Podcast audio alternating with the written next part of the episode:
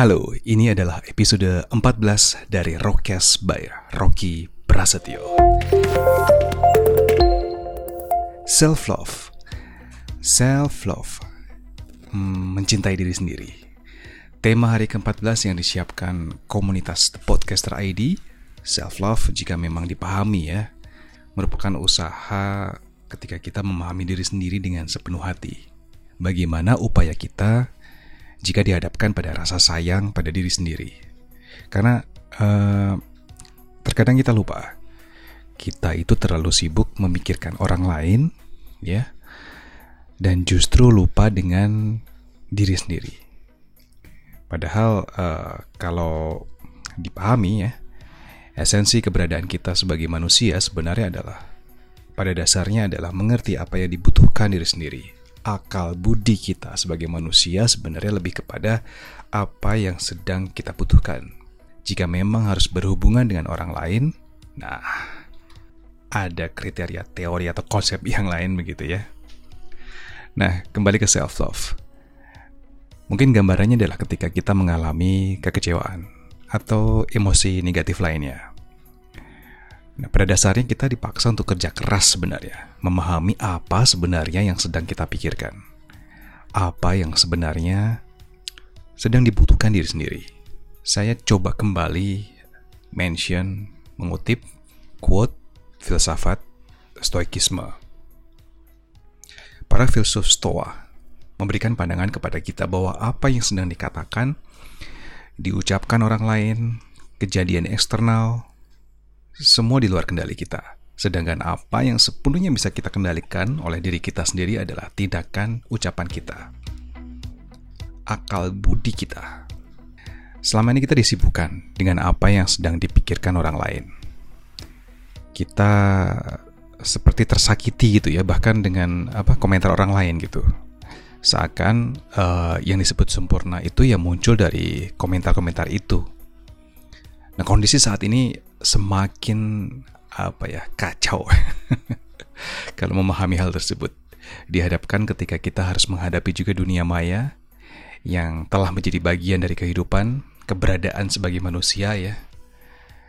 Perkembangan teknologi komunikasi membuat kita lebih dekat dengan keadaan untuk ya lebih dipermudah gitu ya untuk mengajak aduk emosi kita gitu. Bahkan terkadang tanpa membaca ya, tanpa berkomentar pun ya, bisa aja gampang terbakar emosinya. Intuisinya jalan duluan, bukan uh, pemikiran logis, rasional gitu ya. Ya bisa aja tuh tersinggung akibat apa yang sedang diposting orang, cuman dilihat fotonya, tiba-tiba juga muncul tuh rasa perasaan redah bahwa oh kok dia lebih ya daripada kita kok dia lebih sukses daripada kita. Itu kan bagian termasuk ketika kita terlalu fokus kepada eksternal. Nah menurut saya pribadi ya self love healing itu diperlukan pada saat seperti itu. Saya sebagai manusia biasa pribadi biasa begitu ya juga sering mengalami itu. Bahkan sekarang pun masih menjadi seseorang yang pembelajar terus belajar mengenai self love healing ini.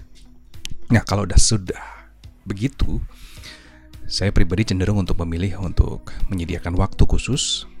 Ya tentu di tengah riuh kesibukan waktu saya begitu ya. Untuk menyembuhkan diri sendiri.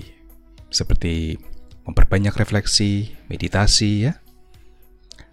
Ya bisa saja saya mulai dengan mencari kembali teman-teman saya alias buku-buku saya, buku-buku lama saya yang dari judul, dari konsep itu relevan. Kemudian saya baca, saya renungkan kembali. Bahkan buku-buku yang tidak relevan pun misalnya dari segi judul pun saya coba kembali baca, terkadang juga saya ditemukan tuh dengan 3-4 kalimat dari penulis yang ternyata juga membantu saya untuk self love itu. Self love healing. Bisa juga selain membaca buku adalah kegiatan favorit saya yang lain adalah menonton kembali film-film lama, film-film favorit yang uh, saya anggap selama ini membantu saya untuk menyadarkan pada diri saya pribadi. Misalnya setelah nonton film apa gitu ya, uh, oke okay, film Rocky Balboa. sesuai namanya ya. Nah, itu seperti disadarkan gitu. Hey Rocky, misalnya apa ya? Oh ya, kamu itu ya kamu gitu. Kamu itu sudah sempurna, titik, sudah itu saja. Segera kembangkan diri. Ketika eksternal menganggap diri kamu tidak sempurna, ya tidak apa-apa. Karena mengapa repot sekali? Mengapa harus bersakit-sakit dengan hal itu? Segera bangun, eh, bangkit begitu ya. Karena kamu bisa. Sehingga jika di kemudian hari menemui hal yang merasa tidak sempurna ya tidak apa-apa banget gitu ya. Tidak ada masalah jika tidak sempurna. Uh, saya pikir termasuk ngepodcast ini sebenarnya bagian dari proses self love saya. Ya saya mungkin salah satu dari anggota grup uh, Discordnya komunitas The Podcaster ID yang silent reader tidak pernah aktif gitu ya. Bahkan untuk aplikasinya pun tidak aktif notifikasinya. Ya, bahkan saya juga mungkin termasuk orang yang tidak kenal sebagian besar peserta 30 hari bersuara. Tapi saya pikir ya tidak apa-apa gitu. Ya mengapa terlalu lama untuk fokus memikirkan hal itu?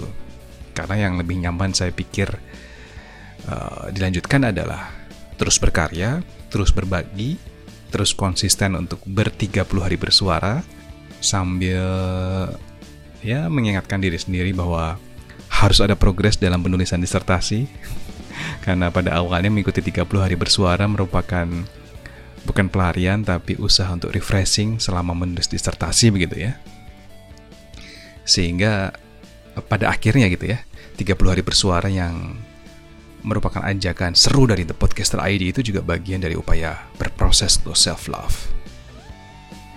Baik, terima kasih semoga bermanfaat.